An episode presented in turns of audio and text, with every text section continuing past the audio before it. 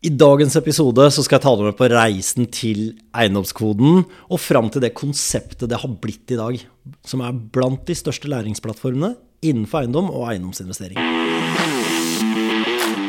Hjertelig velkommen til Eiendomskoden. Mitt navn er Rajiv Lehar, og sammen med teamet mitt arbeider vi hver eneste dag med å hjelpe folk med å sette fart på eiendomsreisen sin. Om du ønsker hjelp på veien, så kan du gå inn på eiendomskoden.no slash podkast for å booke en helt gratis rådgivningssamtale med enten meg eller en av mine rådgivere.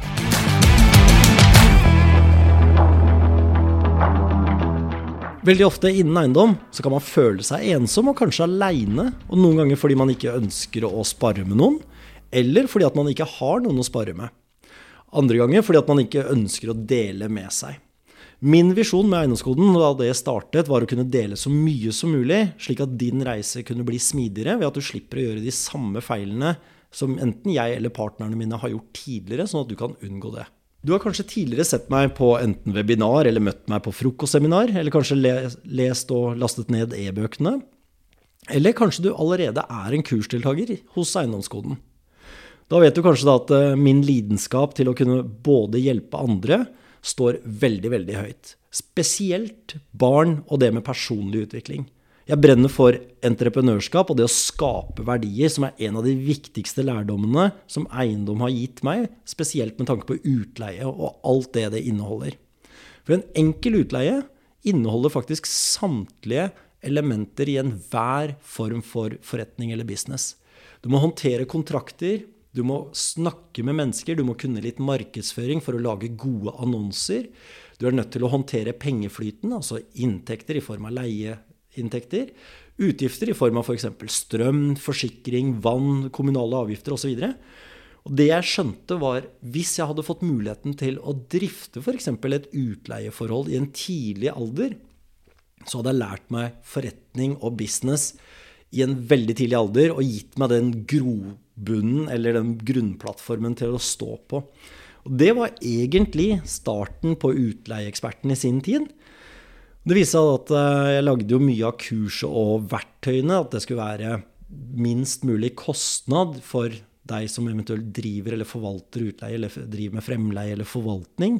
Og også for at barn skulle kunne håndtere f.eks. utleie i familien.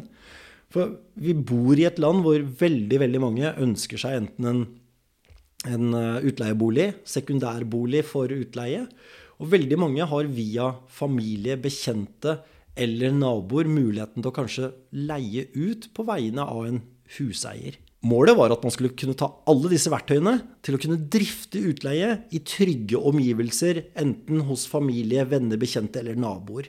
Sånn at man kan lære seg alle disse business elementene da, som utleie egentlig innehar. Og det var hovedtanken da vi starta med å lage et system rundt det med å drifte utleie. Så viste det seg at interessen var mye, mye større enn bare utleie. Alt fra hvordan man skal sette seg en målsetning, finne ut av hvor er det man er hen i dag, hvor ønsker man å være, for så å finne en fremkomstmiddel for å kunne komme seg fra A til B på en enklest mulig måte, eller smidigst mulig måte, i forhold til hvor raskt man ønsker å nå målet sitt. Og deretter finne en strategi som passer. Ikke sant? Skal man drive med utleie, skal man drive med utvikling, skal man drive med korttidsutleie, langtidsutleie? Hva slags type eiendom skal man se etter? Hvordan skal man skaffe den finansieringen for å kunne gjennomføre transaksjonen, eller kapitalen? Skal man strukturere det som et aksjeselskap, en holdingstruktur, private investeringer? Og i det hele tatt, hvordan skal man gjennomføre en transaksjon? Kjøpe den? Sørge for at det er verdiøkning, drifte utleie eller forvalte. Men viktigst av alt hvordan man skal kunne gjenta det og kunne skalere det til å bli en portefølje.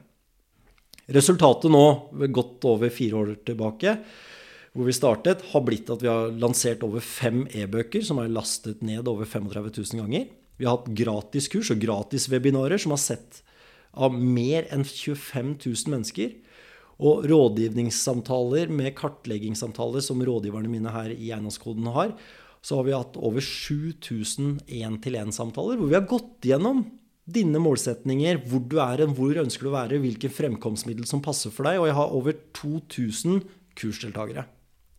Det hele startet med et enkelt bokollektiv. Da jeg starta, så visste jeg ikke hva bokollektiv var, hva det innebar, hvor mye jobb det var osv. Fram til en kamerat av meg sa vet du hva, de to leilighetene der sånn, de burde du gjøre om til bokollektiv. Det ene ordet har generert mer enn 25 000 kroner ekstra i måneden. Jeg leide de ut for 20 000, og med å gjøre det om til bokollektiv og leie det ut per soverom, så er det ca. 45 000 kroner i måneden. Samme eiendom, det er bare en annen måte å drifte det på. Det som var greia var at Jeg elska jobben min. Jeg har jo en bakgrunn som sivilingeniør og jobba innenfor olje- og gassindustrien i mange år. Og lidenskapen min er fortsatt fly. Jeg har jo flyingeniørbakgrunn. Det det endte opp med, var at jeg reiste opp til 284 dager i året.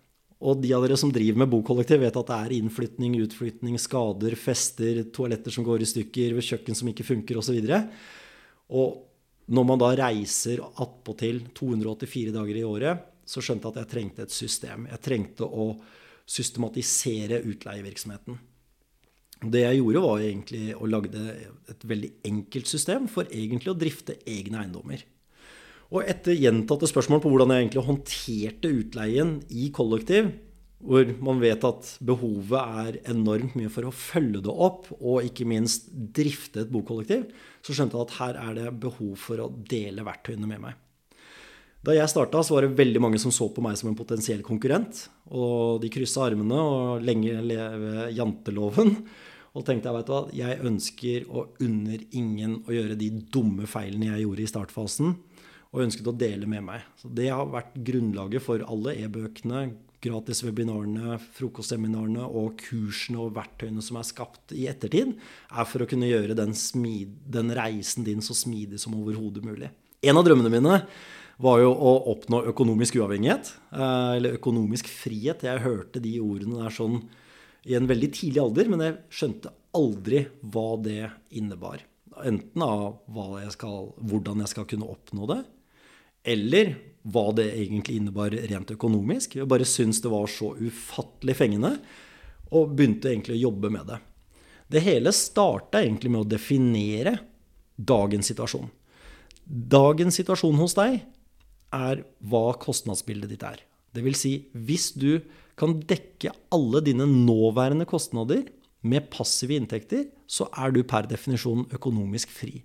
Da har du den livsstilen du har i dag, dekket av passive inntekter. Veldig ofte så tenker man på den økonomiske friheten som det første målet. Jeg ønsker å dele opp økonomisk frihet i tre ulike nivåer. Det første er økonomisk trygg. Det vil si at du har Passive inntekter som dekker mat i magen, klær på kroppen og tak over hodet. Når du har dekket bokostnadene dine, det å overleve, det å kunne ha nok mat, det å kunne ha nok klær, det å ha et sted å bo Når man dekker alle de levekostnadene, så er man per definisjon økonomisk trygg. Når man da dekker livsstilskostnadene sine, dvs. Si type bil du kjører, antall ferier, båt, hytte, motorsykkel, hva enn det måtte være, som går mer mot livsstilen din, da er du jo økonomisk fri. Når du da har nok passive inntekter til å øke livsstilen du har i dag, til en høyere livsstil, da er du per definisjon økonomisk uavhengig. Når man har definert hvor man er i dag, og får klarhet i hvilke kostnader du er nødt til å dekke av passive inntekter, da kan vi begynne å stake ut en kurs mot målsetningen din. Og det som er genialt, er at når du vet hvor du er, og hvor du ønsker å være, så kan man ha friheten til å velge det fremkomstmiddelet man ønsker å bruke for å nå målet sitt. F.eks. hvis du skal fra A til B, og du velger å gå, sykle, kjøre bil eller fly, eller fly privatjet for den saks skyld, så handler det kun om hvilke fremkomstmidler og hvor raskt du kommer deg fra A til B. Ja, noe av det koster penger. Noe av det er gratis. Noe koster mer energi og tar mer tid. Men friheten til å velge det fremkomstmiddelet som passer deg best, er kanskje det som trigger meg aller, aller mest med eiendom. For her har du friheten til å velge fremkomstmiddelet, du har friheten til å velge den strategien som passer deg best. Når man da vet hvor man er, hvor man skal være, og du har valgt ut et fremkomstmiddel, altså skal du nå målet ditt raskest mulig, eller skal du nå målet ditt i en trygg og god omgivelse, på en måte, eller at du tar det i ditt eget tempo. Har du f.eks.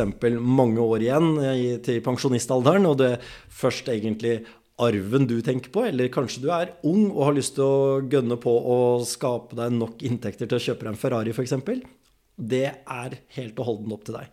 Og Det er også det jeg elsker med eiendom, det er at alle sammen har sine ulike målsetninger, sine ulike drivkrefter. Men alt det definerer jo hva slags type strategi skal du bruke. Skal du, ha, skal, du drive med utvikling av eiendom f.eks., hvis det er det som trigger deg, ja, da må du kanskje velge et område hvor det er nok omsetningshastighet, sånn at du kan kjøpe en eiendom, øke den i verdi, for så å selge den for en profitt. Eller ønsker du kanskje også å bygge opp portefølje, en utleieportefølje? Eller kanskje du har lyst til å drive med bokollektiv? Ja, den strategien vil i utgangspunktet definere hvilket område du bør se etter investeringsobjekter. Veldig ofte så blir man litt sånn farget av det området man bor i, og det man kjenner fra før av. Hvis du f.eks. bor ute på landet da, og ønsker å drive med bokollektiv, så må du kanskje se etter et annet sted å investere enn der du holder til. Derfor så kommer strategi og struktur, altså den, det fremkomstmiddelet du ønsker å bruke, først, for så å definere om, området. La oss si du er i et område hvor det er veldig, veldig få boliger som blir omsatt per år. Da er det kanskje litt feil å tvinge en utviklingsstrategi til å passe det området. Så da må du først danne strategien, hva du har tenkt til, og hva som trigger deg mest, for så å definere et område i ettertid. Det var en feil jeg gjorde i startfasen. Heldigvis så var jeg i et område hvor det var god omsetningshastighet, og det var muligheter for å drive med bokollektiv.